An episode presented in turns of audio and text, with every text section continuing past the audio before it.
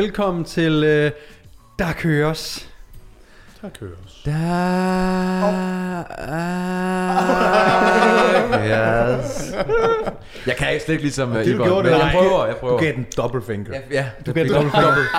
Dobbelt penetrating. Double finger. Ja, men det er fordi, de er sådan rimelig, tynde med en, så jeg lave ligesom den klistre der- dem sammen. Kan du lave den der, den klassikeren ved den, den jeg kan ikke med mikrofonen. Jeg, jeg kan. Klassikeren. Never mind.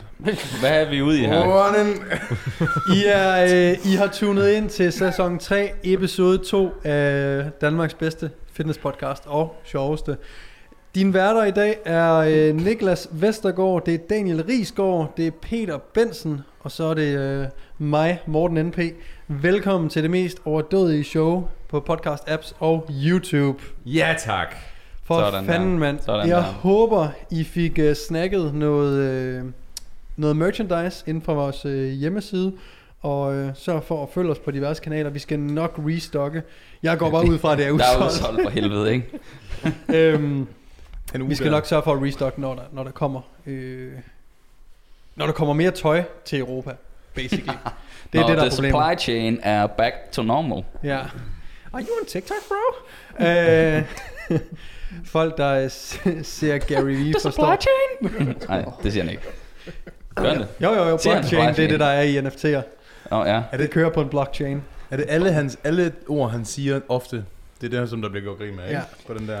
Det Gary er Vee. at Gary Vee har opfundet sit eget sprog. Ja. Så når han siger noget, så gør han altid sådan her, fordi folk skal have fulgt ham noget tid for at vide, hvad han mener.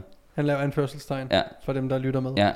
Men On the defense, on the offense. ikke? Hvor han er folk genial. hvad, Så hvad, hvis, hvis folk ikke ved, hvem Gary Vee er, han er en entreprenør øh, over fra, øh, fra USA, som... Øh, Altså, han fik så en trekantet hoved. Ja, Trekantet hoved. han er fucking nice. hoved. Men der, han er nice, men der er en, der gør grin med ham, og det er pisse sjovt. Ja. Så øh, det er den interne joke, vi lige kører, når vi laver den her, øh, den Hvad, her Anders, stamme. Anders, hvad hedder han? Ved du, hvad han hedder? Ga- Gary Vaynerchuk. Ja, nej, jeg skulle have. Tak, Daniel. Det kunne jeg! Tak, Det vidste jeg! Den fake Gary Vee. Nå, for Jeg helvede. finder den lige og sætter den ind. Okay, vi sætter den lige, skal vi, lige, vi får den lige til at roll over øh, skærmen. Ej, hvor er du sød. Gary Vaynerchuk. Gary Vaynerchuk. I know that one. Ja. Aha. Åh, oh, her. Kan vi slet det?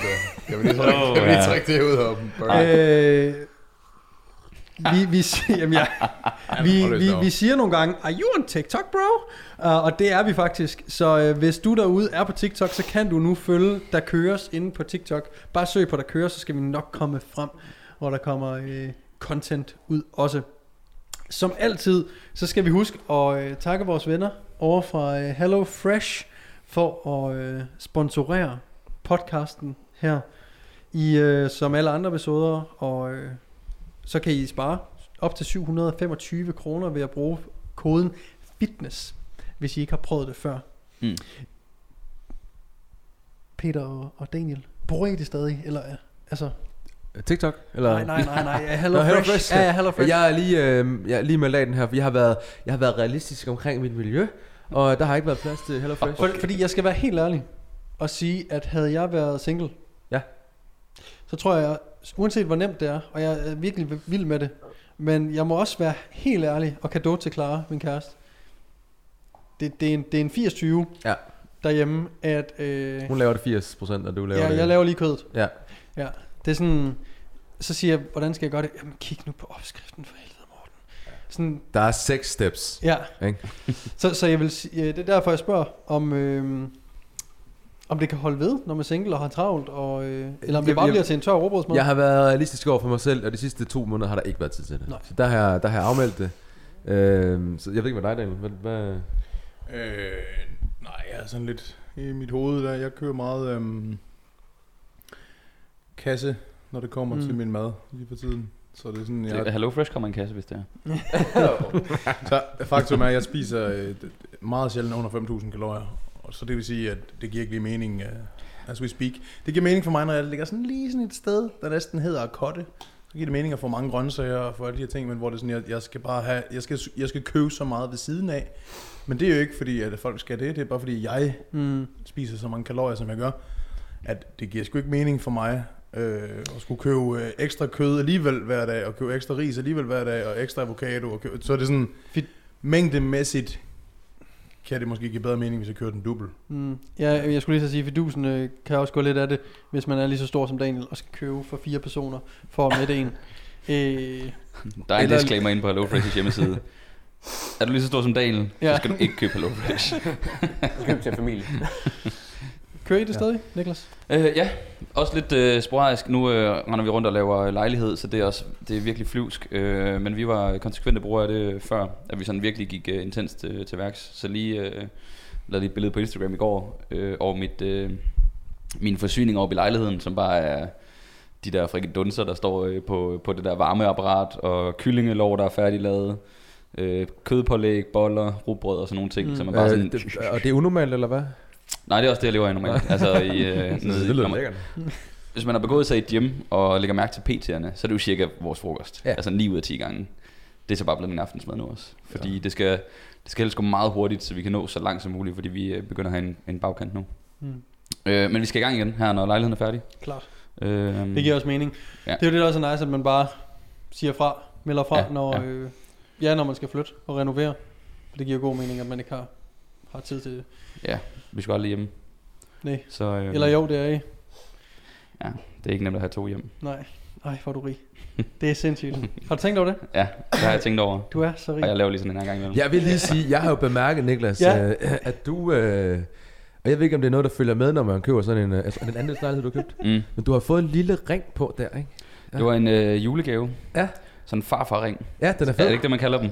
Jo. Det tror jeg, det er. Min farfar havde i hvert fald en. Den fik min fætter ikke. Øhm, ja, fuck ham. Der kunne man godt mærke, at der, Niklas, det var lidt et slag i maven. Jeg tror, der. han besøgte dem øh, oftere, end jeg gjorde. Hmm. Men øh, ja, det er sådan en farfar-ring. Jeg fik den i julegave. Øh, ja, Og sådan, du lige tog, du satte den lige på øh, fuckfingeren, tog et billede og sendte til Nick. Se hvad jeg har Ja. fået. præcis. I julegaven Nick. Ja, han går nemlig aldrig med den. Så det kan være det, er, fordi det er et arvestykke. Jeg ved det ikke. Nå. Men øh, nå, men hvad, hvad vil du sige? Var det rigdommen igen, eller hvad? Ja, det er bare, du... Det er guld. Det er også 24 det er jo, Man er jo altså... Hold kæft, Ja. hvor ser du rig ud, ikke? Altså, Rig og usagnet. rig og usundhed. Men det er, jo, det er jo et tegn på, at man er rig. Det er, når man er sådan er ligeglad. Altså. Det var snakken med Og det må man sige, du er med dit udseende. Ja. Altså ligeglad. Ja, føj, er du varm, egentlig. Føj, hvor er ulækker egentlig. øh, det var den snak, vi havde med Birkenstock også. Du ved, når man bare rammer et vist niveau, så kan man bare... Der er liver king, og så er der liver swing. Det er dig. Liver swing. Lemmer swing. Men, øh, men ja, det er lige for at flex rigdom en lille smule, men ikke for meget. Ja. Så, ja. Jeg ved ikke, hvor- hvordan kom vi ind på det? Det var Jamen, Hello øh, Fresh. Ja, det var Hello Fresh. Så, øh, så øh, ønsker du en dag at blive lige så rig som Niklas, så spar nogle penge ind på Hello Fresh ved at bruge koden FITNESS. Jeg elsker vores sådan kasterreferencer nogle gange. Jeg kan Ja. virkelig godt lide dem. Øh, vi lavede også en aftale, inden vi øh, øh, gik i gang med episode 2 her, og det var, at vi øh, lige skulle have en øh, tage et nyt dyr. Nu er det giraffen. I første episode, vi snakkede om Giraffen, den, ja. giraffen, dens anatomi. Øh, jeg synes, vi skal prøve med et andet dyr. Et andet dyr. Et andet dyr. Har Peter har jo et dyr på brystkassen. Har du? Ja, det har jeg. Det er en kedelig, den der. Den er lidt kedelig, er den ikke? Det er en ørn.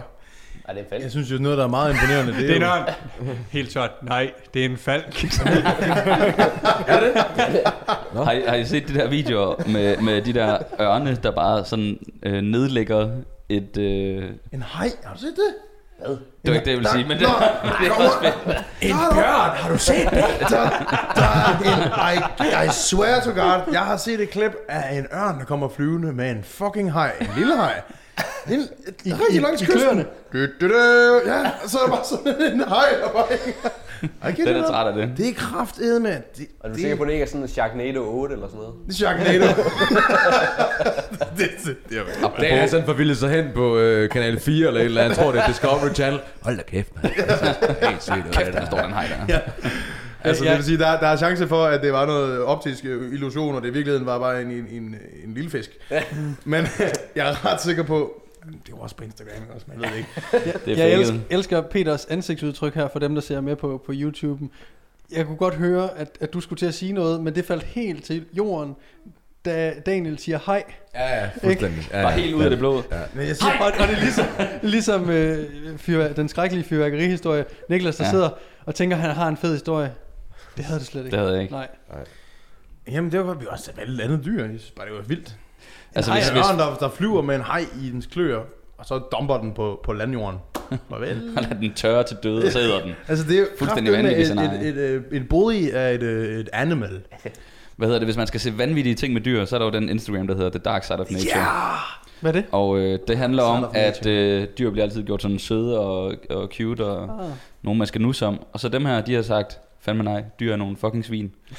øh, barbariske sataner, ikke? Så der er bare en Instagram-side, hvor man bare kan se de mest vanvittige kills af dyr, der dræber andre dyr, eller, øh, eller ja, stjæler deres øh, unger og sådan noget, og så bare river dem i stykker. Og, ja, det lyder meget voldsomt. Det er også meget voldsomt. Altså, altså dyr er jo fantastiske. Og, øh, og jeg vil bare sige, især, især aber rammer mig rigtig, rigtig, fordi de er sådan lidt, de er jo tæt på os, og det er så nemt at lave nogle, nogle jokes øh, på den måde. Ja.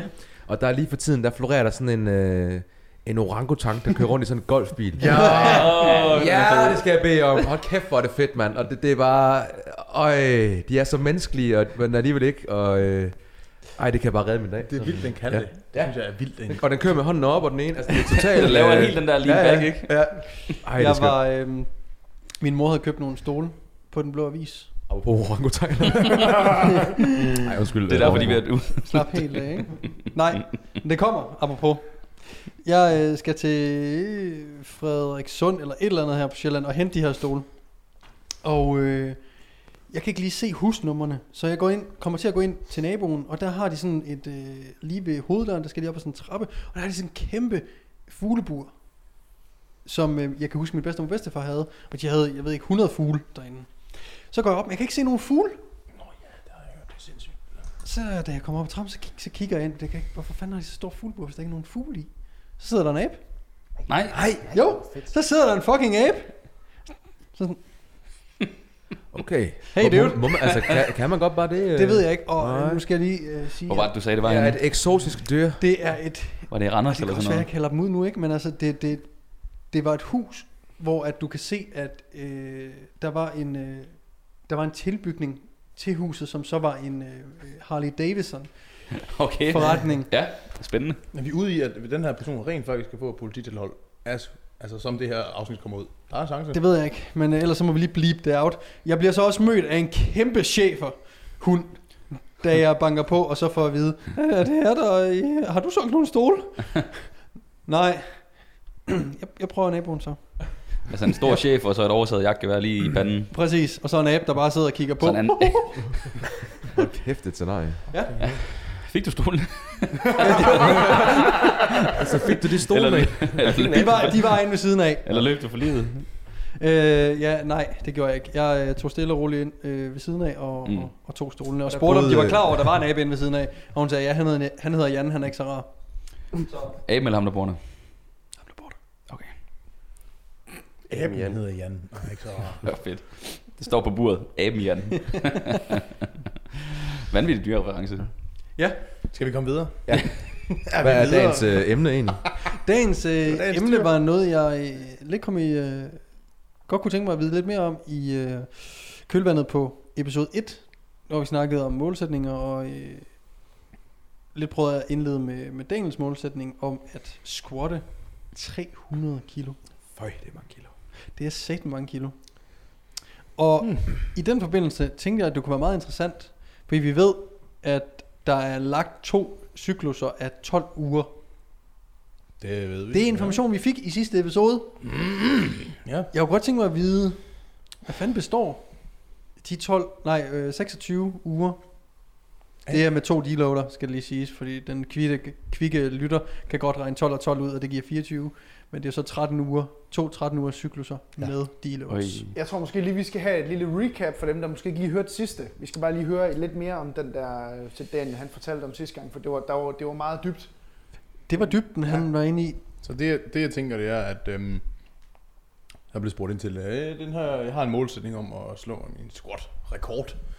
Og jeg har øh, 280 kilo sat i åh, sommer, tidlig sommer 2020, har jeg lyst til at sige, halvandet års tid siden. April. April, maj-ish. Ja. Der var lockdown. ja, 2020, så det er halvandet år siden nu. Øh, og den vil jeg gerne slå. Og øh, jeg har målsætning om, jeg kunne godt tænke mig at, at gøre det om en, et halvt års penge. Og cirka om 26 uger. Um, og det som, det som jeg gør, det er, at øh, som vi snakkede om i forrige afsnit, så er det sådan noget, at man sætter ligesom, okay, hvad er en realistisk dato, så laver man øh, reverse engineering, som Niklas sagde, øh, bagud. Så man finder ud af, okay, men hvordan skal de her, hvordan skal det simpelthen kunne lade sig gøre at komme herop på det her niveau? Øh, jeg er lige nu i en situation, hvor jeg kører ud for de principper, som øh, hedder faktisk ondulerende periodisering. Så jeg kører øh, lige nu en, øh, en træningsfase, som består, eller lad os kalde det en makro, som består af 12 ugers træning. Og det er, de 12 uger består så af fire faser, som er tre uger stykket. Og man har ligesom nogle, nogle faser, hvor man, det plejer man at kalde en akkumuleringsfase, så har vi også intensiveringsfaser. Og øh, målsætningen med de her 12 uger, det er det, der hedder absolut styrke, de første 12 uger, og de næste er det, der hedder relativ styrke. Så her i starten af de her 12 uger, der er målet lidt mere også hypertrofi, især her i starten af, af makrocyklusen, så der kører vi lidt højere gentagelser. Øh, og gennemsnitsprocenten i hele den her øh, fase her, den er en lille smule højere, end den næste fase bliver. Må jeg lige bryde nogle termer ned Ja. lynhurtigt for lytteren. Makrocyklus er en større træningsplan. Det er de 12 uger. Mm-hmm. I de 12 uger i makroen, der er der nogle mesofaser. Der er fire af dem, mm-hmm. og der, de er tre uger stykket. yes. Så er der det, der hedder mikro, mm. som er de enkelte uger. Mm. Der er 12 mikroer. Ja. Så Basically. det er egentlig bare med et program, ikke? Og man Ja. kan så sige, det, det man så gør, når man kører den her form for, for programlægning, det er, at man, man kører øh, for eksempel tre uger, hvor man kører en akkumuleringsfase, som er, lad os gøre det simpelt, højere gentagelser. Mm. Og så har vi bagefter tre uger, hvor du kører lidt tungere, som er i inten- intensiveringsfaserne. Og så går vi tilbage til noget akkumuleringsfase, men som er en lille smule tungere end den forrige. Og så går vi til den sidste intensiveringsfase, som er den tungeste fase. Mm. Og et eksempel kunne være, at man for eksempel kører 5 sæt af 7 i den første, de første tre uger. Så skal jeg se, om jeg kan huske det i hovedet. Så næste fase, den hedder vist 6 sæt af 4. Og så kommer den så til at hedde sådan noget som, jeg mener faktisk, det er 6 sæt af 5, vi går på. Og det sidste 6 sæt af 3. Så 5 sæt af 7, 6 sæt af 4, øh, 6 sæt af 5, og så 6 sæt af... Nu sagde du ondulerende før, og ja. det er også, det er ikke uh, undulating, som man siger på engelsk, men det er sådan, det er sådan bølgende, sådan en, en Ja, bedre måde at præcis. kunne, ja. Mm. Ja. Og, og det her, det er så meso ondulerende Mm. periodisering. Det vil sige, det skifter På fra... fa- træningsfasebasis. Hver Mm. tredje uge kommer der en ændret intensitet. Mm. Øhm, og, og i starten, der, jeg kommer ikke længere ned i den første, den første makrocyklus, som er 12 ugers træning, kommer jeg ikke længere ned end triples. Og i den næste fase, der kommer jeg øh, helt ned og kører doubles. Jeg kommer ikke til at køre singles på noget tidspunkt. Øh, og grunden til, at jeg ikke gør det, det er, fordi jeg kender min krop ret godt, at singles for mig øh, er super, super taxerende mentalt. Og jeg øh, fungerer rigtig fint ved, at jeg bare kommer op og matematisk set ved, at hvis jeg kan tage en double på den her vægt, så kan jeg tage 300 kilo. Kontra at skulle teste noget i nærheden agtigt med singles, og have lidt i tanken, og så skulle op og så tage de 300, fordi jeg ser nogle gange, at hvis jeg for eksempel skal lave en single på, lad os sige, jeg slutter af med en single på 292, øh, det for det første er en ny PR, det er sådan, åh, så skal jeg sætte en ny single PR i træningen. Det ved jeg ikke helt, hvor tryg jeg er ved. Noget andet er også, hvis jeg nu ikke får en god oplevelse med det, fordi man er fatigued, man har kørt mange uger i streg uden en deload, som er sådan en restitutionsperiode, så kan jeg få sådan, så kan jeg begynde at jinx det for mig selv i hovedet. Fuck, man, 192 var tung. Hvordan skal jeg nogensinde om en uge eller 10 dages deload, så kunne squat 300? Så mentalt set, for mig set, fungerer det bedst for mig, at jeg går ikke lavere end doubles. Det syge er, at du sagde lige 192. Undskyld, jeg mener 292. Det er det, der er så sygt. Gået. Men jeg tror ikke, at opmærksomme lytter derude havde fanget det, men uh, ja. det, det er selvfølgelig Den 292. uopmærksomme ja. lytter. Ja, så. Ja, så, så for mig så er det mere sådan en, en, en personlig præference, så går jeg ikke jeg går ikke ned og kører singles i træningen. Det har det ikke så godt med. Jeg kan bedre lide at kunne nøjes med at køre en double på min gamle en af dem. Og så er jeg sådan, alright, så ved jeg. så har jeg til 300. Må jeg tilføje noget? Ja. Fordi at, øh, og, og, og, du kender jo dig selv øh, rigtig, rigtig godt. Selvfølgelig, du lykkes med mange af dine, øh, dine mål om, at- om at løfte de her. Du havde på et tidspunkt noget omkring dødløft, Ja. hvor du også fik trukket 300. Ja. Øh, hvilket faktisk er ret sindssygt, at du, du, du squatter formentlig snart lige så meget, som du dødløfter. Ja, ja. Det er meget, det er faktisk unormalt. Ja, det er det. Ja. Ja, men det er din T-Rex arm, der, Ja, ja, gør det. den går arm. det er rigtigt. Det er ikke langt torso. Ja. Det er en ting. Ja, ja. Men, øh, men øh, nu tabte jeg lige tråden. Jo, øh, i forhold til, at øh, jeg tænker bare, det du skal, det er jo at lave, altså, opgaven er jo at lave en tung single. Ja. Ja. Så jeg, nu har jeg ikke hørt om de næste øh, Nej, nej, makro, ja, ja, ja. for der kommer det garanteret, men jeg tænker, man bliver også nødt til at, at udsætte sig selv for det miljø og prøve det, fordi det er jo et skill Mm. mm. at grind sådan en single hjem. Ja, ja, lige præcis. Og man, man, altså nu ved jeg godt, du, du snakker om at jinx dig selv, og det er jeg helt med på, og det vil jeg også Mm. snakke om tidligere. Men man bliver vel også nødt til at prøve at udsætte sig selv for det op til. Fordi du ender med at stå i en situation, hvor den højst sandsynligt er fucking røvtung. Ja. Og det er bare ikke det samme som at køre en dubbel. Nej, det er rigtigt. Det er to helt vidt forskellige ting næsten. Ja, og det, det sjove ved det, det er jo også, at hvis jeg kører, når jeg kører programmering for styrkeløfter, så er det nemlig, det handler meget om, peaking-fasen handler rigtig meget om at kende dem, hvordan de er mentalt. Fordi mig selv, når det kommer til singles, det er jeg pissegod til. Det er noget af det, jeg er allerbedst til. Fordi når jeg, når jeg squatter en double, jeg kan sagtens komme til det stadie, hvor jeg grinder nummer to rep. Og der får jeg noget, der er specifikt nok til, at jeg kan kende følelsen på de 300. Men, men for mig set, når jeg deloader, jeg vinder så meget. Altså jeg kan, bedste eksempel mod de 280. I træningen havde jeg ikke squattet mere end 257. Okay, ja. That's it. Ja. Men det er fordi, jeg er rigtig god til, til singles, men det kræver rigtig meget energi for mig, så det er sådan, hele processen, og Morten og Niklas overvejede det også, er sådan meget krævende for mig, når jeg tester max. Det er sådan sindssygt, øh, jeg må ikke sådan komme ud af zonen, og jeg, sådan, jeg vinder rigtig meget på sådan at øh, faktisk at peppe mig selv op. Øh, så singles har jeg altid været rigtig, rigtig god til sådan at lige, virkelig få noget øh, adrenalin op at køre. Så det er den ting, jeg er mindst bekymret for faktisk. Okay. Det jeg er mest bekymret for, men det er kun mig selv, det er, hvordan mit mindset er gående ind til max-testen. For hvis mit mindset er, okay, det sidste jeg gjorde, det var på 90%, og fucking smokede jeg det her. Okay, matematisk set giver det mening for mig at score 300. Så er jeg ikke det mindste i tvivl om, jeg kan. Så det, det er egentlig nok til mig. Men jeg skal sgu op og lave noget, der er relevant. Altså det, det skal jeg. Jeg skal op og løfte nogle vægte, som er tæt på. Altså jeg skal over 90%. Mm. Altså jeg skal Ja. nok være tættere på et sted mellem 92 og 95% af mit max. Det skal jeg ligesom have rørt ved. Ja, det er det, jeg tænker. Ja, ja, ja. ja. Ja, jeg kan ikke, hvis, jeg, hvis jeg er under det, så ved jeg ikke, hvordan det føles af på ryggen. Det er det. Det, som jeg kommer til, som du så øh, kommer ind på her, det er, at jeg kommer til at lave øh, walkouts med 300 kilo. Og det kommer jeg til at gøre fra 6 uger ude fra mit øh, max-test hele vejen frem. Der har jeg en gang om ugen, hvor jeg skal prøve at mærke, hvordan det føles at lave walkouts med 300. Og jeg kommer til at lave pin squats med 300. Så det vil sige, at jeg kommer til at lave walkouts, så kommer jeg til at lave øh, langsom eksternisk fase, lægge den død på en pinde og trykke den op. Det er ikke på parallel. Det handler bare om, hvordan føles det at have det på ryggen, hvordan føles det med mit buetryk, hvordan føles det at gå ud med det, så de ting spiller. Så fra 90 grader ned, det er bare, der satser jeg bare på, at min træning i sig selv nok skal spille. Men jeg kommer til at skulle have det på ryggen for at mærke, hvordan er det. Hvornår er det relevant at gøre de to ting? Walkouts og eventuelt pin squats. Hvad tænker du? Er det relevant for øh, den, der skal teste 1 AM for anden gang i sin træningskarriere? Nej, Ikke rigtigt. Jeg tror, det handler meget om, man kan sige, din evne til at, at lave en true 1 AM er sådan en skill, du skal træne. Og for mig set, så øh, rigtig mange nybegyndere, de, øh, ja, i starten, du kommer ikke til at leve op til dit fulde potentiale i starten nødvendigvis. Der kommer til at være et andet teknisk breakdown. For mig set er det lige så meget følelsen i kroppen, og sådan, okay, hvordan fanden føles det at have på rygsøjlen? -agtigt. Og det, det er lige så meget det, fordi det, det sidste, jeg har lyst til, det er, når jeg unracker 300, at jeg tænker, fuck, det kan jeg ikke. Mm. Så jeg skal prøve et par gange at øve det, det der med, jeg skal for eksempel ikke unrack roligt. Jeg skal være aggressiv i min unrack, så vægten føles let. Hvis jeg sådan prøver langsomt, så er jeg færdig. Ja, du, du skal sådan eje den fucking stang, ikke? Den Ja. skal bevæge sig, fordi du får den til at bevæge sig. Yes, Ja, ja, yes. Så hvis jeg kan gøre det, og jeg kan øve det, så ved jeg også til max-testen, så gør jeg bare som jeg plejer, når jeg unracker den med pinsquatten. Eneste forskel er bare, nu skal jeg bare, nu skal jeg bare gå helt ned i stedet for.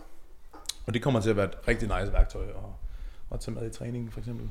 Øhm, Nu snakker bare om de her steps, der er med øh, inden for squat øh, med de her pre-steps. Er der også noget med de andre store løft, for eksempel bænkpres og dødløft, hvor man kan med dødløft kan lave nogle andre pre-ting, inden man laver det tungløft eller ens øh, PR? Altså for eksempel, hvordan jeg kan, hvis jeg skal forberede mig selv mentalt til dødløft. Ja, Er det ligesom og hvis du- walkoutsene? Ja, ligesom walkouts, at der er nogle ting, man kan gøre for at bygge den op. Det kan man godt. Du kan for eksempel lave øh, tunge, så du laver sådan, du i virkeligheden prøver at mærke de kilo, der er på kroppen. Det samme princip, det kunne være tung, tung, tung rack pulls. Kom op og holder det. Holder, prøver at rack pull din potentielt 1 AM. Øh, du skal bare vide, at, at problemet i dødløft er rigtig, rigtig sjældent det stadie. Det, det er ligesom, det, det er det samme i squatten, det er også i, i bunden, det hele fucker op, ikke? Men, men det er bare, man kan godt mærke det, man kan godt prøve at mærke vægten, så ja, en tung, tung rack pull, en tung, tung block pull vil kunne lade sig gøre. Det kan man godt. Jeg synes bare rigtig mange tilfælde, for eksempel sumo, nu, er det- nu er det sumo, jeg laver, det er typisk fra gulvet til knæet, det går galt, ikke? Ja. Fuck det lort, mand. Ej, det var sjovt. For det der ødelagde Peters trap her. Um, ja, jeg synes altid, det er, det er gulvet, der er problemet. Så jeg ser ikke, for sumo-trækkere, det ser jeg ikke, det giver mening.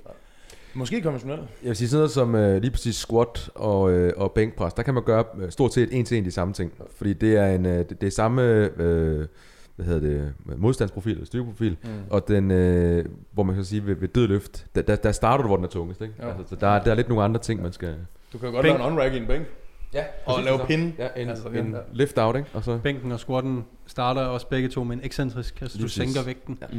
hvor en dødløft starter med, at du løfter vægten. det er også derfor, at dødløft er så lidt mere, øh, det er lidt mindre farligt at gå til. For hvis du ikke kan løfte den, så er du ikke fucking løfte den. Altså, Ja, det, det du kan ikke rigtig gå galt. Rigtigt. Du kan Det bare er kun dit ego. træt af det. Ja, Det er kun dit ego, der kan få dig til at få en skade, Ja. basically. Ja, hvor er de andre to, hvad er det, man plejer at sige i den excentriske fase? Hvor meget at man er stærkere i den, i den forlængende? halvanden, det er til at komme lidt på at- med elastisk energi og ting, og så er Ja, det sådan ja. en anden gang. Eller sådan noget. Der, ja, det er sådan en tommelfinger Ja. ja. og groft Ja. ja. Altså det, man siger, du kan faktisk godt sænke vægten, men når du så skal til at trykke den, Mm. så kan du måske ikke. Worst case får man en vævskade, det vil sige, vævet siger faktisk smæk, ikke? Jo. Øh, Ellers så kollapser du bare under stangen. Ja, ja, præcis. Øh, Men ja, så det, så det er det, der er tanken de sidste 6 uger. Det er, at jeg skal implementere de der walkouts og pin squats, men det som jeg gør tidligt i træningsfasen der, jeg har selvfølgelig nogle intensiteter, nogle, nogle rep ranges, øh, jeg, jeg følger. Øh, de bliver helt konkret set tungere og tungere og tungere, så tæt jeg kommer på mit maxløft. Øh, det som jeg også kommer til at gøre, som er måske noget, man kan dykke lidt ned i, når man, desto stærkere man bliver, det er, hvor lang tid jeg skal have mellem mine squat-stationer. Det jeg for eksempel gjorde op til mit max-test der, til sidst der squattede jeg kun hver 10. dag. Og det fungerede bare sindssygt godt, fordi desto tungere det bliver, desto stærkere du bliver, desto længere tid er restitutionsprocessen. Så du kan ikke altid bare squat hver tirsdag. Det er sådan, på et tidspunkt, så er det sådan, og det handler meget om at kende din krop. Så i starten, der kører jeg på ugenlig basis. Men som jeg kommer længere hen, så bliver jeg nødt til sådan at have en... Jeg kommer til at have nogle uger, hvor at jeg ikke har en plan, men jeg har nærmere sådan en... Nu skal jeg mærke efter. Og jeg kan potentielt nogle gange gå ind og varme op til squat og mærke, det er ikke i dag. Så tager jeg en ekstra session af min accessory squat dag. Så det kan være nogle gange, så kommer jeg til at have, jeg har en tung squat dag, jeg har en accessory squat dag. Nogle gange kommer jeg til at have den tunge, og så kommer jeg til at have en dag med accessory squat.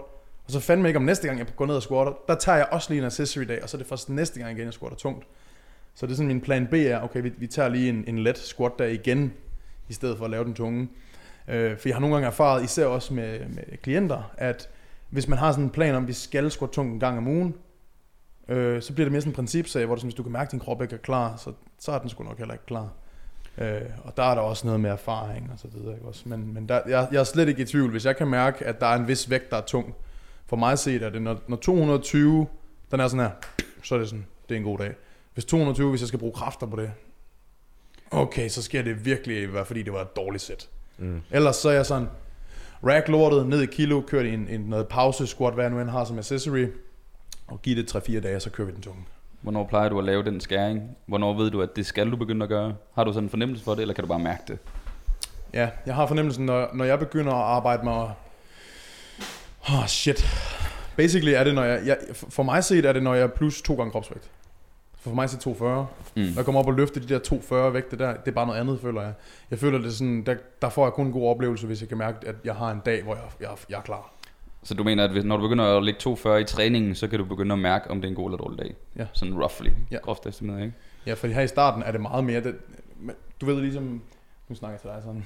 Ja. Du ved. Peter, han har jo... Velkommen til Daniel og Peters podcast. Ja.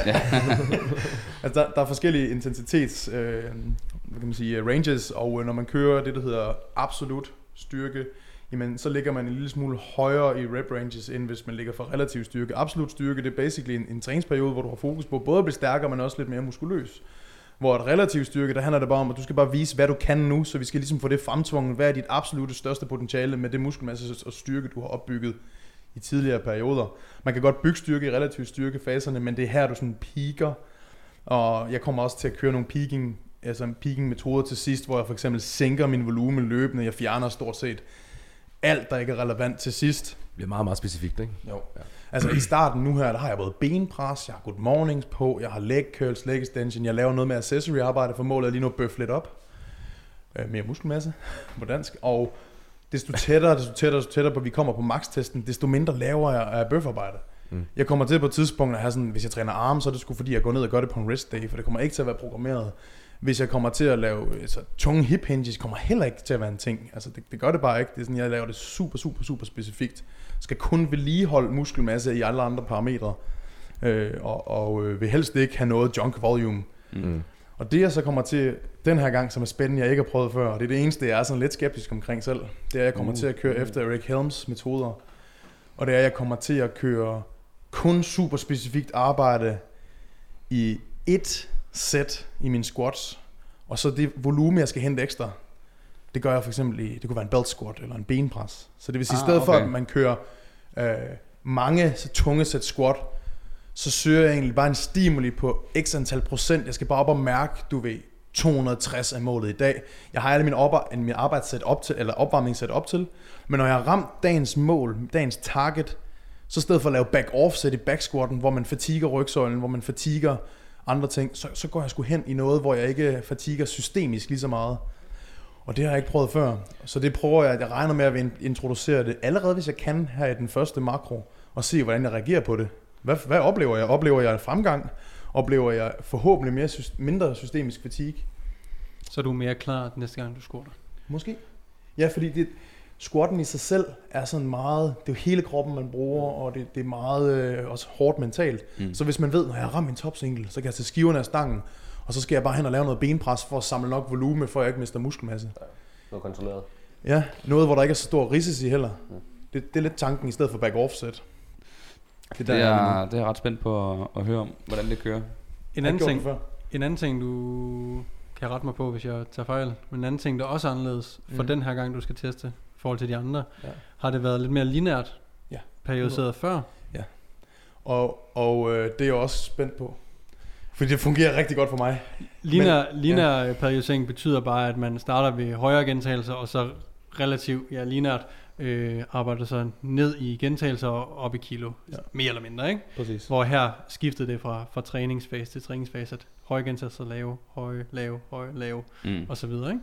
Mi- Mit håb er, at det her skift i uh, intensiteter måske kan gøre, at jeg uh, går mere skadesfri herfra. Og det er faktisk mit håb, fordi jeg tror nogle gange, det der sker, jeg har lagt mærke til, når jeg virkelig har klødt på lineære proportioner i det store løft, det er, at jeg, det, det kører fucking godt i træningsfaserne.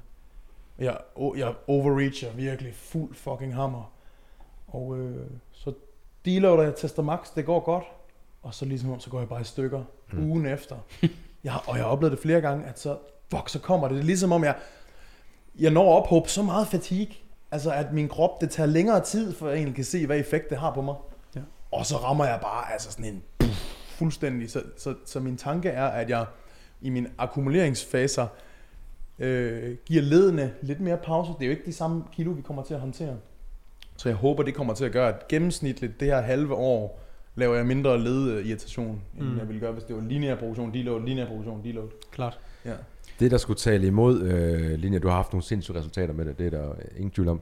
Men det er, at du, når du starter, så er du, du er meget altså langt væk fra din, det, du skal egentlig i den første fase. Ikke? Ja, ja, ja det, Så- jeg vil starte jo højt, og så vil det, Ja. det vil kun være de sidste øh, 10 uger, jeg måske lå, Ja. lå under 6 reps, ja. eller et eller andet, ikke? Ja. Og der kunne sådan noget som, øh, som DUP, altså Daily Undulating Periodization, måske, der kunne man fra starten af lægge lidt mere øh, altså specificitet ind, så du lærer, det er jo et skill stadigvæk, som du også siger, ikke? Mm. Det her med at, at, at squatte, øh, så få det kørt ind fra starten af, mm. Så man simpelthen er, både for volumendelen, og den skadesforbyggende og den muskelopbyggende del, men samtidig lige har et lille element, som så gradvist stiger hen mod Præcis. peak.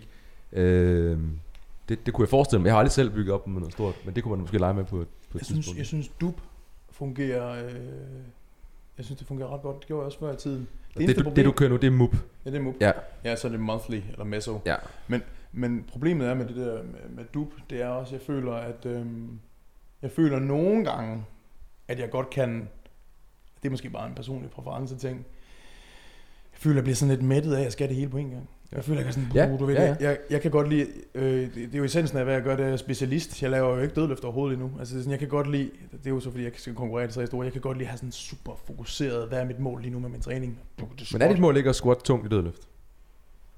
Squat, squat tung, nej, tung, squat tung i squat. Du laver Squat en- tungt i dødløft. Du Squat tungt i dødløft. Wow, vi ses. Det var det. Mit mål er at squat tungt, ja. Nytårsfortsæt, det er let tale. Ja, det er let tale. er, er dit mål ikke at løfte tungt i squat? Jo. En single? Jo. Ja. Det var det. Og, Øh, Sangil, kan vi få nogle snacks ind til B? Jeg tror, den Ja, er ja, gået ja. sukkerkold. Kan vi, kan vi få en snegl ind? Shit, mand. Så, så det der med at have nogle dage, hvor jeg kører højere reps og så videre, øh, det, det kan godt nogle gange for mig set, øh, det, jeg ved sgu ikke rigtigt, jeg, jeg, det her personlige præference, det Og synes der, jeg det, skal også, det skal jo tages med i ligningen. Altså 100%. Ja, ja. Ja. Det, øh, det bliver spændende at se, hvordan det... om. Ja, nu må vi se. Ja. Men en ting, som er lidt anderledes, som jeg vil lige tilføje, det er at den måde, jeg kører accessory arbejde på. Accessory arbejde, så snakker vi ikke om curls og sådan nogle ting, vi snakker accessory arbejde, som er meget specifikt for mit, øh, mit squat mål. Lige nu kører jeg for eksempel pause high bar squats. Og årsagen til at gøre det, jeg lavede en spørg rundt på min Instagram i går, faktisk meget spændende, mange, mange gode svar. Årsagen lige nu for mig, det er, øh, der er flere årsager. Øh, men det er for det første, så har jeg haft noget med tiltro til min knæ, har jeg ikke været så glad for. Øh, så det jeg gør, det er, jeg vælger en squat variant, jeg ikke er super stærk i, så vælger jeg at holde pause i den, og jeg vælger at køre den ud knæp ind, så der, det er simpelthen med, jeg skal ud i de her positioner, jeg plejer at være lidt øh, ukomfortabel i. Jeg skal vende mig selv til mentalt, at det er okay. Det fungerer rigtig godt. Noget andet er, det er en, øh, en forlårs dominant øvelse, for jeg skal gerne lave noget mere fyring på min quads, når jeg squatter, fordi det har jeg mistet. Jeg squatter ikke, som jeg gjorde, da jeg var bedst lige nu. Jeg skyder hips op, og det gør jeg, fordi jeg har mistet en lille smule masse på min quads, og lidt, jeg har manglende tiltro til min knæ. Så jeg tør ikke holde mig selv frem i knæ, når jeg squatter. Så det jeg gør lige nu, det er, at jeg tvinger mig selv til at gøre det, jeg altid har gjort, som, som jeg ved fungerer for mig, det er at fyre med min quads. Det er sådan, jeg altid har squattet bedst. Øh, så det, det er årsagen til, at jeg gør det lige nu. Det er en helt anden snak. Øh, min accessory løft ændrer sig aldrig nogensinde i rep ranges. Fordi jeg har bare fundet ud af, at sweet spottet for mig, og det har bare erfaret med klienter, det er 3-5 reps, 3-4 sæt. Når du skal øve dig på noget, hvis du gør det for mange reps, så er der noget andet, der bliver udtrættet. Det er sådan noget som opspænd, vejrtrækning osv. Hvis du kører for få reps, så er det ikke nok gentagelser til, at du kan nå at indøve en god vane. Stadig mellem 3-5 gentagelser, når det drejer sig om pause squat, når det drejer sig om pause dødløft, når det drejer sig om whatever the fuck it is. Noget, hvor du skal øve dig, det plejer at være sweet spottet. Det er sådan, man kan godt overskue og holde en lang pause i bunden af en squat, hvis det er et sted mellem 3-5 reps. Så snart vi snakker 6 og 7 og 8. Det, det er noget andet, der går dødt. Og det er virkelig noget, jeg har fundet ud af. Det er, sådan, det, det er et sweet spot, og det jeg egentlig bare gør, det er, jeg skal bare track fremskridt, og det er ikke på kilo. Jeg skal sige, hvor meget bedre teknisk bliver jeg. Så hvad mit accessory løft nu end er, jeg kommer til at være taktisk igennem hele fasen. I starten er det pause squats med, øh, med high bar. Så kommer jeg til at arbejde mig hen til, alt efter hvordan den udvikler sig, så kan jeg finde på at bytte den ud. På et tidspunkt ved vi, at det bliver tunge pin squats. Vi ved, at det bliver walkouts, det kommer til at fylde. Men jeg har, jeg har tanker om, at jeg vil rigtig gerne blive bedre til timing i forhold til, når jeg rammer bundpositionen, så jeg godt tænke mig at køre nogle squat halvanden, hvor jeg kommer ned i bunden, kommer halvt op, kommer ned i bunden igen, kommer helt op. Fordi jeg skal se, at når jeg så filmer mig selv fra siden, så skal jeg se, at hoften bevæger sig ensartet i den halve rep og den hele rep. For jeg har en tendens til, at når det virkelig gælder, så, så skyder jeg røven op. Det der med at have ekstra rep der, hvor jeg er dårligst, det giver rigtig god mening at tilbringe ekstra tid i det. Men min accessory løft holder samme rep range, samme volumen hele vejen. Det handler bare om, at jeg skal bare finde ud af, hvordan kan jeg arbejde med lige præcis den del, jeg er dårlig til. Og det skal blive mere og mere specifikt imod min en af dem. Som til sidst bliver jo at håndtere 300 kilo på ryggen. Ikke? Øhm, så ja, det er sådan de overvejelser, jeg gør mig i forhold til accessory squat bevægelsen. Ikke? Fik vi forklaring på, øh, nu nævnte du lige den øh, squat halvanden, at det var for at træne noget timing i bunden, Mm. og se om din hofte den ligesom blev samme sted. Mm. Øh, hvorfor var det, du ville lave øh, pause squats? Var Pause, det, var det med et andet formål for øje? Vi kan også bare prøve at tage det lidt mere Det er generelt. Nogle af, det samme, ikke? ja, nogle af de øh, Lignende. accessories, du kobler på, hvad er det helt, hvorfor er det lige dem? ja. Nu nævnte du halvanden. Øh, jeg tror ikke, Hvis du... uden- pause squatten, det Ja. fortalte jeg lige før, men det, helt kort fortalt. Har, har jeg ikke lige fortalt det? Fik- Oh, synes du, det var det Okay. der med, at øh, du skulle, være, du, skulle finde, øh, du skulle skyde afsted uden at skyde hoften. Altså du skulle Ja, så rejse dig op uden at lidt skyde samme sted, Ja, at du, du fjerner strækrefleksen og prøver at trykke ja. til med... Øh, ja, med quads. Men, men det jeg gør her i starten, fordi det er så uspecifikt, jeg er så langt væk fra at skulle teste Ja, ja, max, ja. ja. det er, jeg, jeg kører det helt uden knæbind, jeg kører det uden bælte. Jeg skal vende mig til, jeg skal stole på, at mit knæ godt kan. Fordi Ah, ja, ja. det jeg gør lige nu, når jeg squatter tungt med knæbind, ligger jeg med væk på venstre ben for at score mit højre knæ. Er, ja, det, er det ikke ubevidst så? Er det Jo. ikke bare det, Jo, kroppen jo, har jeg lyst til at gøre? være. Jeg kan ikke være. Så det jeg gør nu, det er, når jeg sidder nede i bunden af kælderen uden knæbind, det er kun 50% af mit max, så trykker jeg alt, hvad jeg kan med begge ben. Og der filmer jeg mig så fra siden og skal være sikker på, at alting skal spille. Øh, skulder og hofter skal bevæge sig op i samme bevægelse. Men jeg laver samtidig også noget knædominant, hvor jeg normalt vil jeg tænke, det, det kan min knæ ikke holde til. Og faktum er, når jeg kører det, det gør slet ikke ondt overhovedet. Men når jeg laver normal squat, så vil jeg aldrig ture lave den mængde vandring, jeg gør. I min, øh, det, er simpelthen, det er simpelthen ar herinde, fordi jeg har haft en skade. Og det skal man ikke underkende. Det er, ja. Det er det der med mentalt Det er at ture, gør det der, som jeg skal. Og Ja. det her er et glimrende eksempel på, hvor det ikke, træning ikke kan, kan være sort-hvid, fordi Mm. at der er ikke nogen, øh, hvad kan man sige, øh, studier du kan læse, eller Slet uddannelser, ikke. sådan rigtigt du kan tage, for at deal med det, den udfordring du har der. Mm. Det er noget menneskeligt, at du har en, en udfordring for en, en skade Mm. i Du er faktisk hjerneskadet. Jeg Du er skadet. hjerneskadet med. Jeg er skadet. Nej, som du, som, du tager, has ruined me. som du tager højde for. Det, er jo, det kan man jo kun, hvis man har været i gamet i et vist antal år, tænker jeg. Men det er vel også, generelt for studier, er det jo aldrig sort-hvidt. Det peger i en retning, ikke, som vi altid snakker om. Mm. Og selvfølgelig så, hvis størstedelen af studierne, 90% peger i samme retning, så kan vi godt begynde at konkludere noget lidt mere kassebaseret. Mm. Men som du siger, Daniel, der er så mange variabler, som ikke har noget med studierne at gøre, som vi også har nævnt i mange andre podcast. Mm. Hvis du skal squat 300 kilo, hvis der kommer en periode, hvor der sker et eller andet i dit liv, så bliver du måske nødt til at lave planen om og sådan noget. Så du, du ved, der kan ske Ja, ja, alt ja. muligt. Øh, og det samme, når man laver de her studier også. Man skal, man skal virkelig se på, på videnskab ja. og, og kurser som værende koncepter, Og jeg synes, i stedet, øh, i stedet for, at det er sådan her, ja. ja. man gør. I stedet for religioner, ikke? Ja, ja, ja altså det, Jeg det synes, er altid, øh, øh, det, det kommer altid an på den enkelte, hvad Ja. der er udfordringer og styrker og svagheder og, så videre. Ikke? Men det er også det, der er fedt, det er jo, når man, når man vælger, når man for eksempel placerer accessory arbejde, så i det tilfælde her for eksempel, ved I hvad årsagen til, at jeg kører en high bar i stedet for en low bar squat? En ting er, at det kræver mere knævandring. mm. Jeg kommer til at udforme mit knæ mere, end jeg, jeg tør. Så det, jeg skaber noget tiltro. Noget andet er også, at, at jeg er stærkere i low bar, end jeg er i high bar. Så det vil sige, at jeg kan komme op, jeg kan komme tættere, jeg kan hurtigere komme tæt på failure med lav vægt. Det vil sige, jeg vil gerne op omkring RPE 6-ish, for at, at mit set er, der er nogle quality of reps, at, at, hvad hedder det, effective reps mm. i mit, i mit, uh, mit set, ikke? Mm. Så det vil sige, at jeg kan slippe afsted med mindre vægt på stangen, mindre spine load, mindre CNS fatigue, ved at det er en high bar, jeg laver, ved at jeg laver pause i bunden, ved at køre uden knæb ind, så jeg går mig selv rigtig svag. Det er den svageste squat variant, jeg fucking kan lave, ud over en front squat, det kan jeg ikke, jeg ikke mobilitet til. Og det er virkelig det, jeg prøver, det er jo at sige, okay, men jeg prøver at at udfordre mig selv til noget, der er rigtig, rigtig, rigtig svært.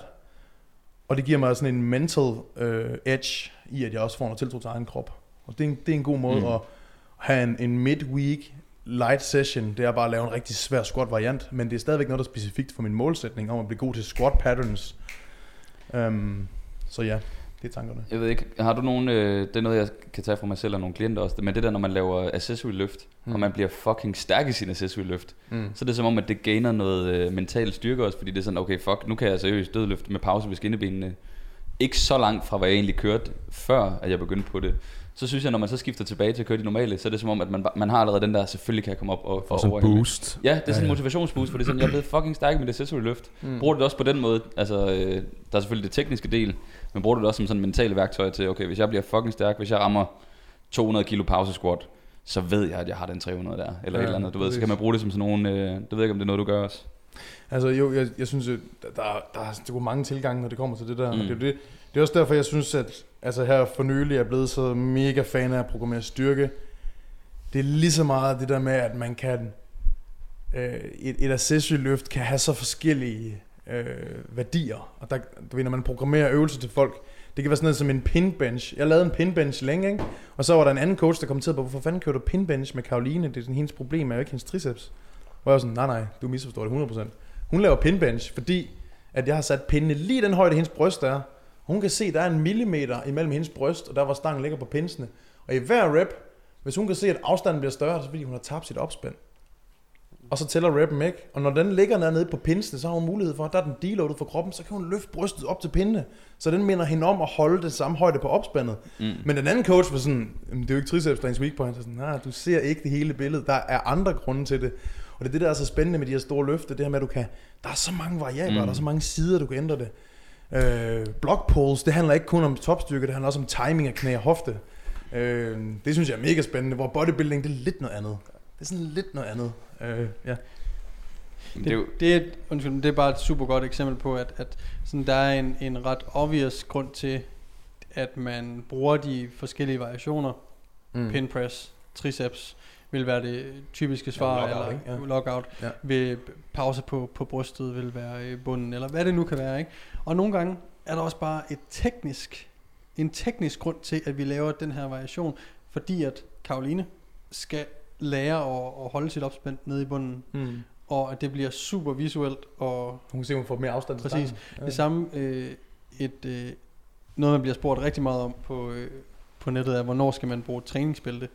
Sådan, du kan bruge det for vidderligt første træning, du nogensinde har i et træningscenter, hvis du skal have noget sensorisk feedback på, hvordan du rent faktisk laver et opspænd i Mm. kåren. Og du kan bruge det, når du skal dødløfte eller squat 300. Det er sådan, eller aldrig. eller aldrig. Men det, det er bare sådan, Mm. der er ikke noget, det, det, det kan have forskellige funktioner. Det kan have et teknisk aspekt af, at du skal lære noget her. Der er noget, du ikke er god til, det skal du blive bedre til. Mm. Og det her hjælper os med at være opmærksom Mm. på det.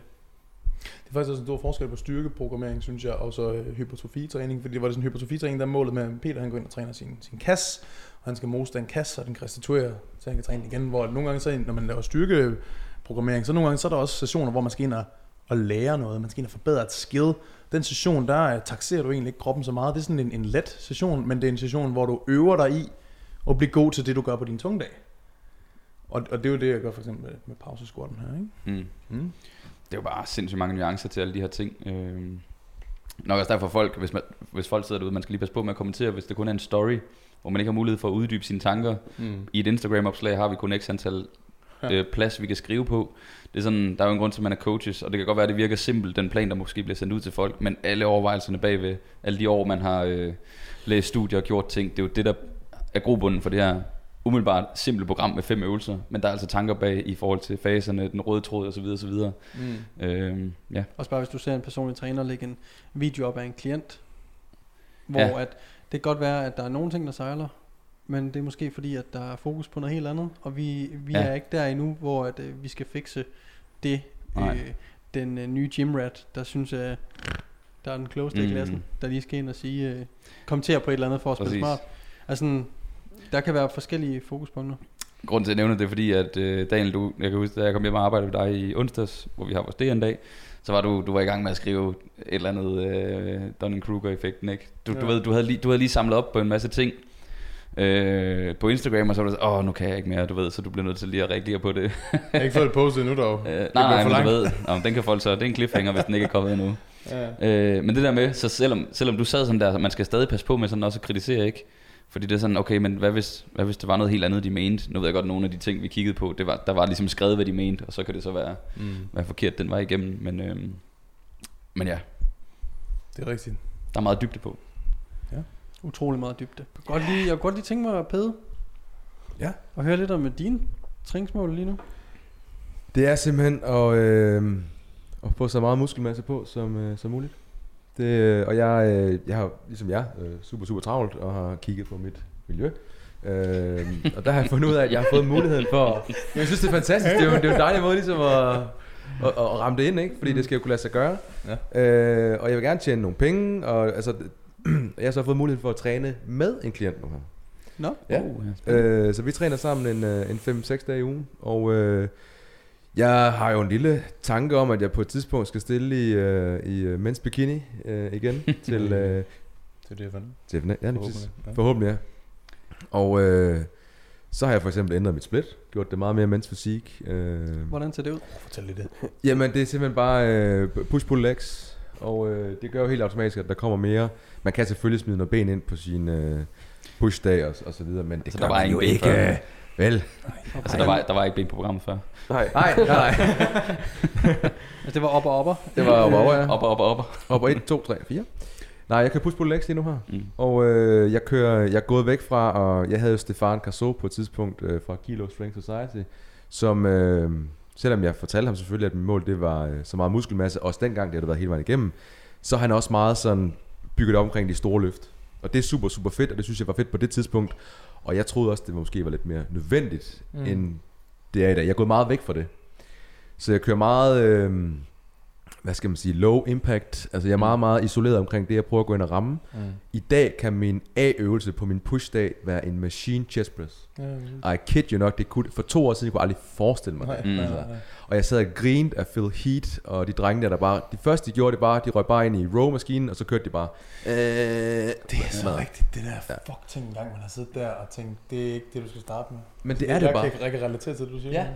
Og man må bare sige, okay. Men man sidder og tænker, oh, kæft, man, han kunne være så meget større, hvis han bare kørte øh, øh, frivægte og tænker så, nej. Muskler er ligeglade med, om dine øh, supporting muscles, mm. de, bliver, de bliver trænet, din rotatorkof lige bliver øh, Mm. op i røven med det. Den vil bare have noget fucking tension. Og det kan du bare i de fleste øh, af de mere isolerede øh, kontekster. Jeg er gået væk fra at køre overhead press, øh, fordi min frontskulder havde fået, den fik rigelig kærlighed i alt det pres, jeg lavede. Jeg skulle meget mere fokus på min sideskulder og min bagskulder. Nu laver jeg rigtig mange lateral races. Min albu har sjovt nok aldrig haft det bedre. Jeg har ingen skader, og jeg tager, øh, jeg tager muskelmasse på som, øh, altså, så godt som jeg gjorde dengang, hvis ikke en lille smule bedre. Og jeg har en meget lavere impact på min krop. Jeg restituerer meget hurtigere. Øhm, Okay, det lyder fandme fedt. Det er interessant. og man Det kan en- meget nemmere gå lidt mere til failure, uden det sådan er ubehageligt. Altså, Det, det er interessant at se en, en fase, der er så hypotrofi-specifikt, om du så virkelig kan mærke den der forskel, hvor det er du sådan, hvorfor, fa- hvorfor på gjorde jeg det? ikke det her et helt år? nej, jeg, jeg kan jo sådan lidt, øh, jeg ved, hvad, så. Det skulle jeg fandme have gjort. Ja, det skulle jeg. Det, det er fandme rigtigt. Hvor længe, hvor længe, hvor længe er det? Det er kræfter rigtigt. Få Er nogle det? Ja, det er Det, fuldstændig det, det, er jo- det er sådan noget, der faktisk er sådan lidt exciting, fordi det, det var også sådan noget, hvis jeg på et tidspunkt helt udfasede de tre store. Ja. Det var, jeg var sådan, oh my god, altså du ved, det, det er sgu ikke prøvet før. Kan jeg vide, hvad det kunne? Det er sådan noget, det kunne være fedt at have noget centimetermåls data, for så er man bare sådan sige, okay, jamen, jeg, det virkede, eller Ja. det virkede ikke, eller whatever. Det lyder, det lyder sådan nederen at sige, jeg, men nu, nu har vi været så lang tid i gamet, så jeg, kan, jeg ved, det virker. Jeg, tror, så jeg forventer ikke det store. Ja, ja. jeg forventer sgu ikke det store, altså. Ej, jeg, jeg, det jeg forstår, ja. ja. Man kigger også meget på sin egen krop jo, når man dyrker det her game. er sindssygt meget. Så man vil jo være sådan, man begynder, øh, det synes jeg da i hvert fald godt, man kan se, hvis man lige har haft en, øh, mit tilfælde ferie eller et eller andet, hvor man er sådan lidt øh, flad at se, hvornår man kommer hjem. Mm. Altså, det er ret tydeligt at se, når man begynder at gemme muskelmasse, synes jeg. Mm. Jeg synes godt, man kan være ret kritisk over for sig selv. 100. Ja. Ja. Hvad, øh, hvor længe har du gjort det her? Det har jeg gjort i lille år.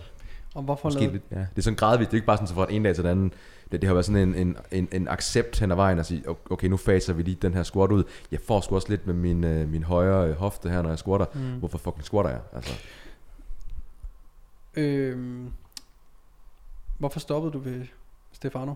Jamen, jeg købte bare et, øh, et år. Ja. Øh, jeg havde også tre mentorships, så jeg synes ligesom, jeg havde fået, øh, fået det med fra, øh, fra Stefan. Der er selvfølgelig, altså han er en fucking treasure. Altså mm. han er Mm. virkelig... Men meget af det, han laver, er også uh, sport-specific. Og det gør de over i USA, de her øh, strength coaches. Uh, de har jo, de, de, deres styrketræning kan jo, kan de, er de jo gode til sådan at, og, øh, at gøre baseball specifik, eller basketball, mm. altså, eller whatever, ikke? Øh, og jeg synes, at jeg havde fået den del med derfra Som du skulle have? som jeg skulle have. Og mm. Den peger så med, øh, det er stadig fundamentet for min, øh, for min øh, hvad hedder det, både min programmer og min periodisering, men jeg har også begyndt at tage meget mere ind fra øh, Joe Bennett, altså hypertrophy coach, mm. og øh, coach mm. Mm. Kassem, selvom de nogle gange laver noget cirkus gøjl. Mm. Øh, men overvejende, så de- har også nogle super fede perspektiver, Helt vildt. hvor jeg også bare må sige, det giver sgu god mening det der. Altså, Nogle gange skal der også to ekstremer til, ja, hvor at jeg synes, at Kasim og de gutter der, de tager den så meget nerd, at det Ja. ja. bliver ekstremt i Ja. den forstand, at det er nok unødvendigt for mange folk, ikke? Men så er det jo, at man får et happy medium, hvor man er sådan, her giver det mening for rigtig mange mennesker, og de overvejelser, som øh, man får, når man ser nogle af de opslag med Kasim og, og Joe Bennett, det er jo, et, de har jo fat i noget, ikke? Fordi det, det er jo ikke forkert, det de siger, det er bare sådan, omstændigheden for at lave lige præcis den øvelse virker lidt voldsom for de fleste mennesker. Det er sådan, gider man virkelig til det? Ja. Og hvordan skriver jeres program? Der skal sikkert være mange notesfelter, hvor der står, hvordan man skal gøre Ja. og sætte op og sådan noget. Men som du siger, så, så kan man tage det fra det, man øh, har lyst Ja. til. Og lige for at tage lidt en, en, en anden yderlighed her. Jeg har jo altid været sådan meget øh, lavet mine programmer, eller også har Stefan lavet dem, og jeg har, jeg har skrevet ind og lavet progression osv. osv. Øh, Og nu siger jeg lige noget her, men, men, men muskelopbygning handler om at du kommer til en, en ret høj grad af udmattelse. Ikke nødvendigvis RIA 0, Mm. men RIA 1 eller 2, måske 3, men det er det, det handler om. Mm. Kør musklen ud til det der. Den er f- Selvfølgelig skal der være en eller anden form for progression, men det behøver ikke være så specifikt. Nej. Jeg har ikke noget program lige nu her. Det ligger bare der oven i hovedet. Øhm, Ved du hvad? Er, du, er I klar over, hvor vildt det er? Det der foregår lige nu. Manden, der har været... Al Øh, den ja, ja. tid, jeg har kendt til dig, altså at vi snakker siden dag fucking one. ja. Der har, har du været modsætning af det der. Ja. Men, men det, øh, og det er jo en, det er en anerkendelse, også er kommet frem til. Man kan så sige, det, det andet med at lave et træningsprogram og, og lave en plan, du følger, det er jo også motiverende. Mm. Så det aspekt, det har jeg bare ikke behov for lige nu. Mm. Jeg har behov for at bare komme ind, øh, kigge på de muskler, der skal trænes, lige lave en, selvfølgelig er der mange af de samme øvelser, der går igen. Jeg kan godt huske, hvad jeg sådan cirka har løftet. Men om jeg lige får 8 gentagelser til tæt på failure, eller jeg får 10, fordi jeg har lidt mindre vægt på, det, det går jeg ikke så meget op i nu. Altså, Det handler bare om at trække den ud og få mine muskler Ja. trænet. Lige inden øh, corona, der var jeg ved øh, Jacob øh, Skeppes fra øh, JPS nede Ja. i Australien. Og øh, vi snakkede lidt omkring progression og så videre. Og det er sjovt det, i forhold til det, du siger, at, at øh, han, skrev, han var meget på øh, riger, og, øh, og det skulle jeg bare gå efter. Og så siger jeg, jamen, øh, hvad nu med sidste uge? Jeg skal, skal ikke prøve at matche tingene? Og sådan siger han, hvis programmet virker, skal Lige du nok præcis. helt Så automatisk skal du nok, ja, ja. lave progressive overload. Hvis du bare følger rigeren. Mm. Jeg skal nok tilpasse det. Det er bare sådan styrketræning, især med kassem, synes jeg nogle gange, kan blive en, det bliver så nørdet, at man tror, man, man forstår ikke lige pludselig, hvor simpelt Præcis. træning Præcis. egentlig kan være, og, og hvor, altså det der med, okay, hvis du kører inden for RIA 0 til 2, hvis målet er, muskelforøgelse, Så, du, ved, du ved, du sover nok, du ved, du fucking æder nok, fordi Ja. ja. vægten den Mm. stiger stille og roligt, som den skal. så skal du Præcis. sgu nok vokse. Det behøver ikke være altid så fucking... Øh, Nej. Hvis du har et helt specifikt mål om at score 300, så er det klart, der skal lægges en, en plan. Der skal lægges en plan. men, ja. men selv i øh, Jeg tror plan... hypertrofi. Jeg ved ikke med styrke. Er, er, kan I give mig ret i det? Styrke Ja, er mere styrke lidt noget specifikt, andet end Ja. Jamen, ja, det er det, jeg prøver at sige, tror jeg. Ja, Nå, ja. ja, ja, altså der, men, men, men selv, men selv, jamen det er fuldstændig det, jeg prøver at sige, men selv i din øh, styrke, har du nogle ting, så som de her øh, squat-varianter, du gør nogle, nogle psykologiske overvejelser, mm. i stedet for nogle træningseffekt Ja. overvejelser. Kan du følge mig? Der, er, der er flere ting i det. Der er Ja. flere aspekter. Der er både træningsovervejelsen og det psykologiske aspekt Mm. i det. Ikke? Mm. Ja. Præcis. Ja. Og så øh, lige en corona også, hvor Daniel og jeg og Christian Simonsen var i Madrid til sådan en sportskonference. Det var meget sportsspecifikt, men Så- der var lige noget omkring hypertrofi Det også. var noget rigtig godt også. Ja. Men der var også en snak omkring programmering og periodisering, hvilket er to forskellige ting. Når man programmerer, så laver du bare et træningsprogram. Det er programmering. Og laver du en periodisering, så laver du en plan over en længere periode, ligesom Daniel har gjort. Mm. Mm. Det, er, det er periodisering med sin squat. Peter, der laver et program op i hovedet. Øh, jeg skal træne øh, push, pres bevægelserne, jeg skal træne bryst, skulder, triceps. Og så, så finder jeg lige ud af, hvad det er. Det er programmering. Mm. Når man satte studier op og sådan nogle ting, og lidt konklusionen var ofte, at hvis du bare skal være større og, ja, Ja.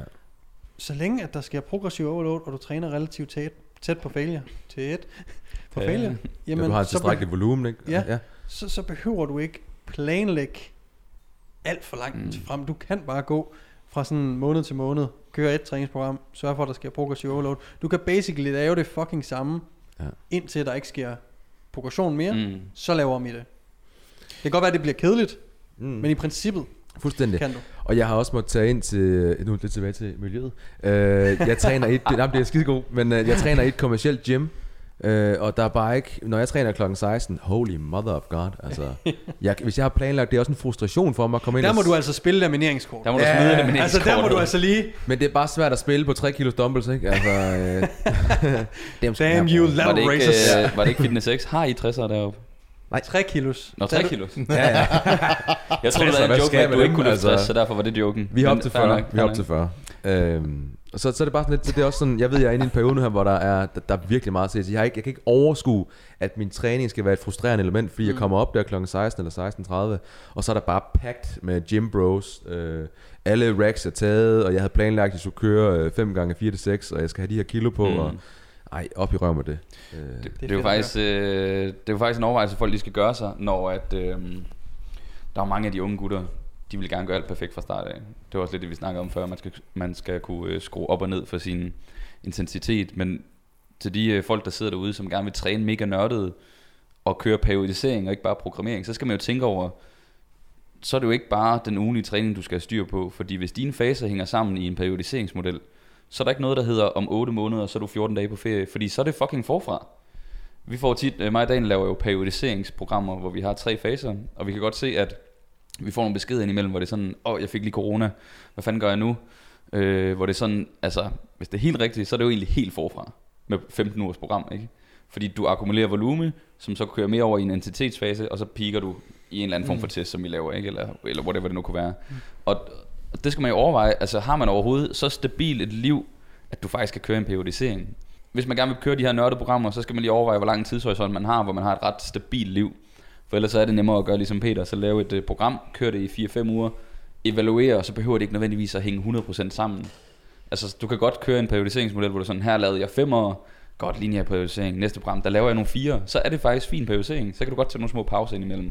Øvelserne Øh, kan også være, ja. Ja, det er det, men altså selvfølgelig, hvis du har en, en, en testdag, som Daniel har, så bliver du bare nødt til at have den lange Følge plan planen. for øje, ikke? Og at, at nogle gange, når der kommer nogle nørdede gutter i, i DM's, jeg tror for os alle, i, som, Oh yes. øh, og sådan, man skal også forstå, at faktisk meget af det, en god personlig træner gør, er mest af alt programmere, og det er ikke at periodisere. Nej. Og du får ikke et dårligt produkt, hvis det ikke er periodiseret. Nej. Fordi at der kommer ting ind i livet, der gør, at den personlige træner er der for at hjælpe med at tilpasse dit træningsprogram til dit Mm. liv.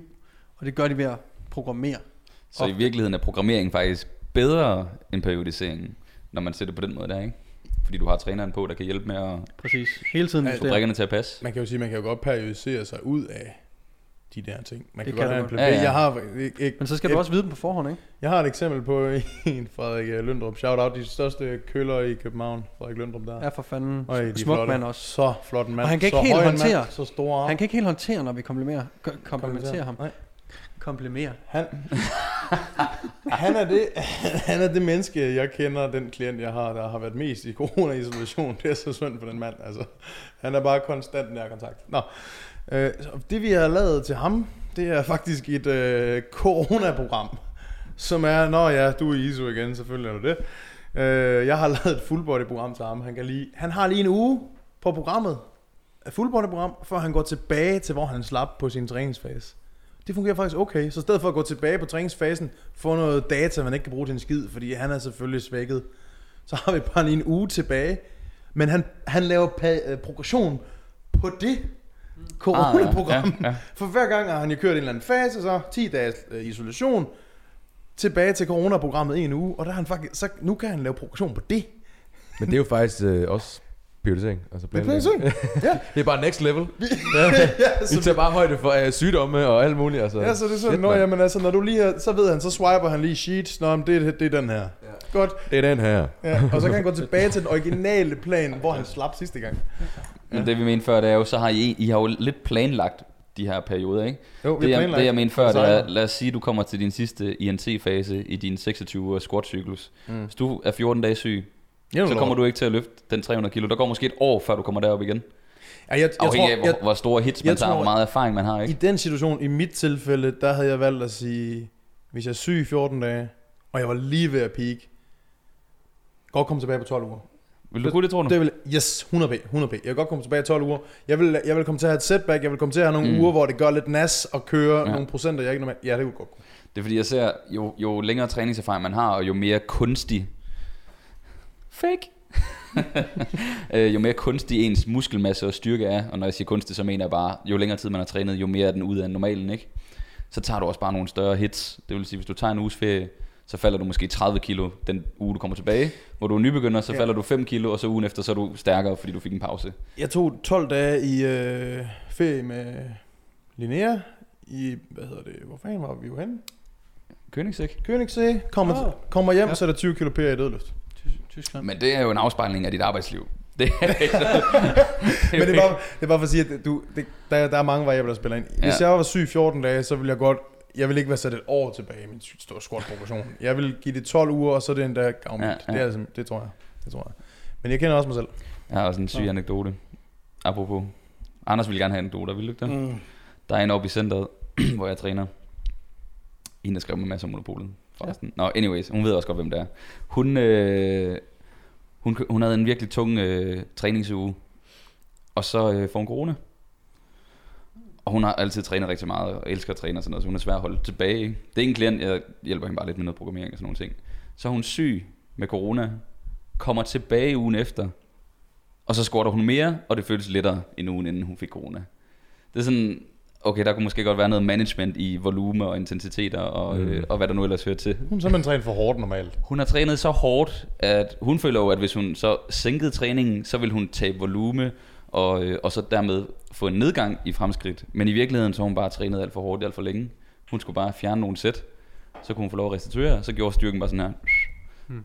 Det er bare meget sjovt. Det er vildt nok at Ja. gå ned med corona og komme tilbage. Så det, det, det er et, et sign from heaven. Altså, der er sygdom og, og stærkere, når du kommer tilbage. Ja, det er vildt.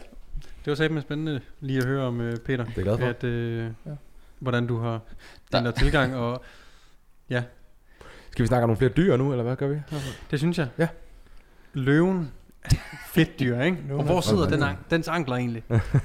Hvor sidder Nej, løven? Jamen, den Har har jo... Øh, Øh, nej, jeg tænker, vi, det vil være et fint øh, tidspunkt at, og, øh, ligesom øh, runde lidt af. runde På. af. Godt, Jeg, øh, jeg synes, hvis du er interesseret i derude at følge øh, Daniels rejse, The Return, hvad ikke den hedder?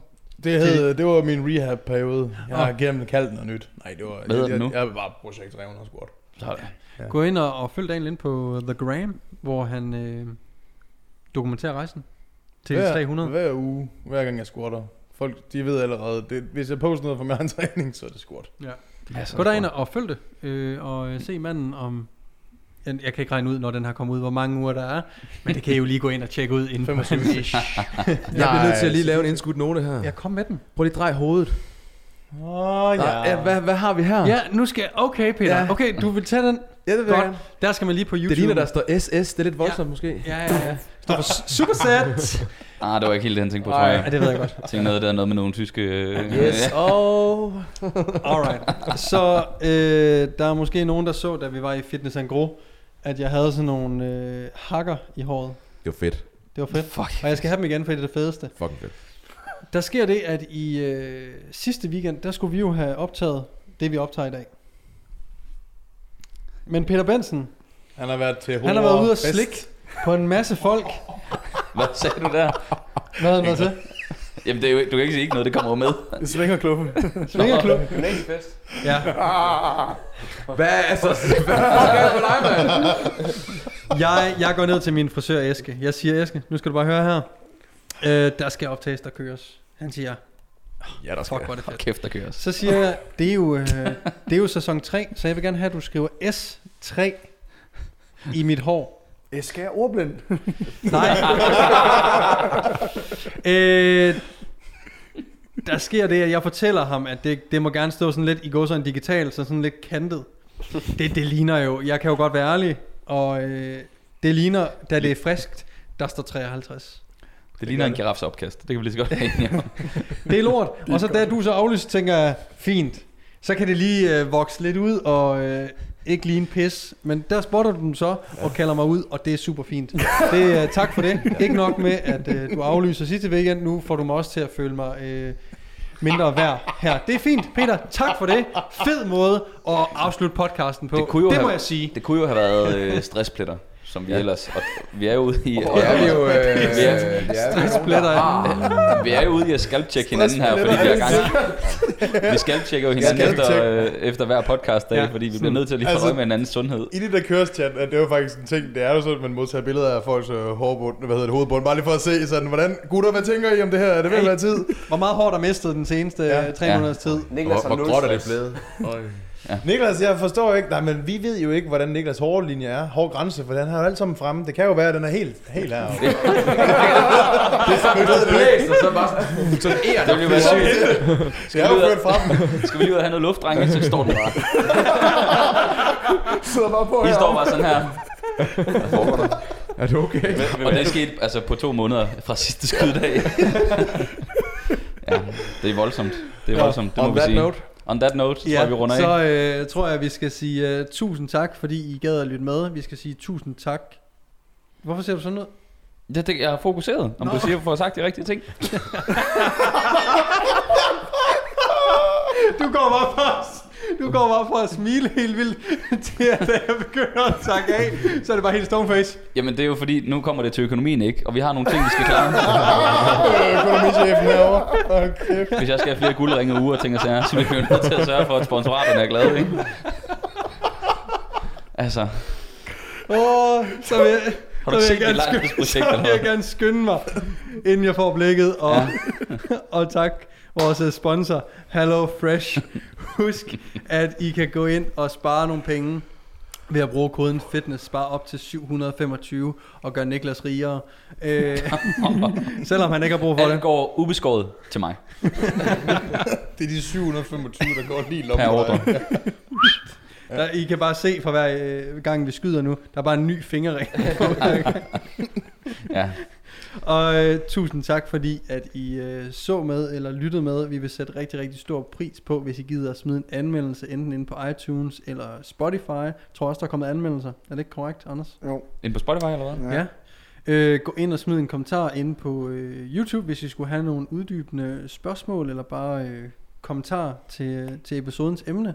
Og så husk, I kan følge os på alle medier. Vi er på Instagram, Facebook, TikTok. Er you on TikTok? Are you on TikTok, bro? Er vi egentlig på LinkedIn? Vi er ikke på LinkedIn. Jeg er. Men Morten er. Ja. Ja. Jeg Gå ind og følg os. Og øh, tusind, tusind tak, fordi I lyttede med. Køres. Var det den der? Jeg kører pistol. Ja, det skal ikke.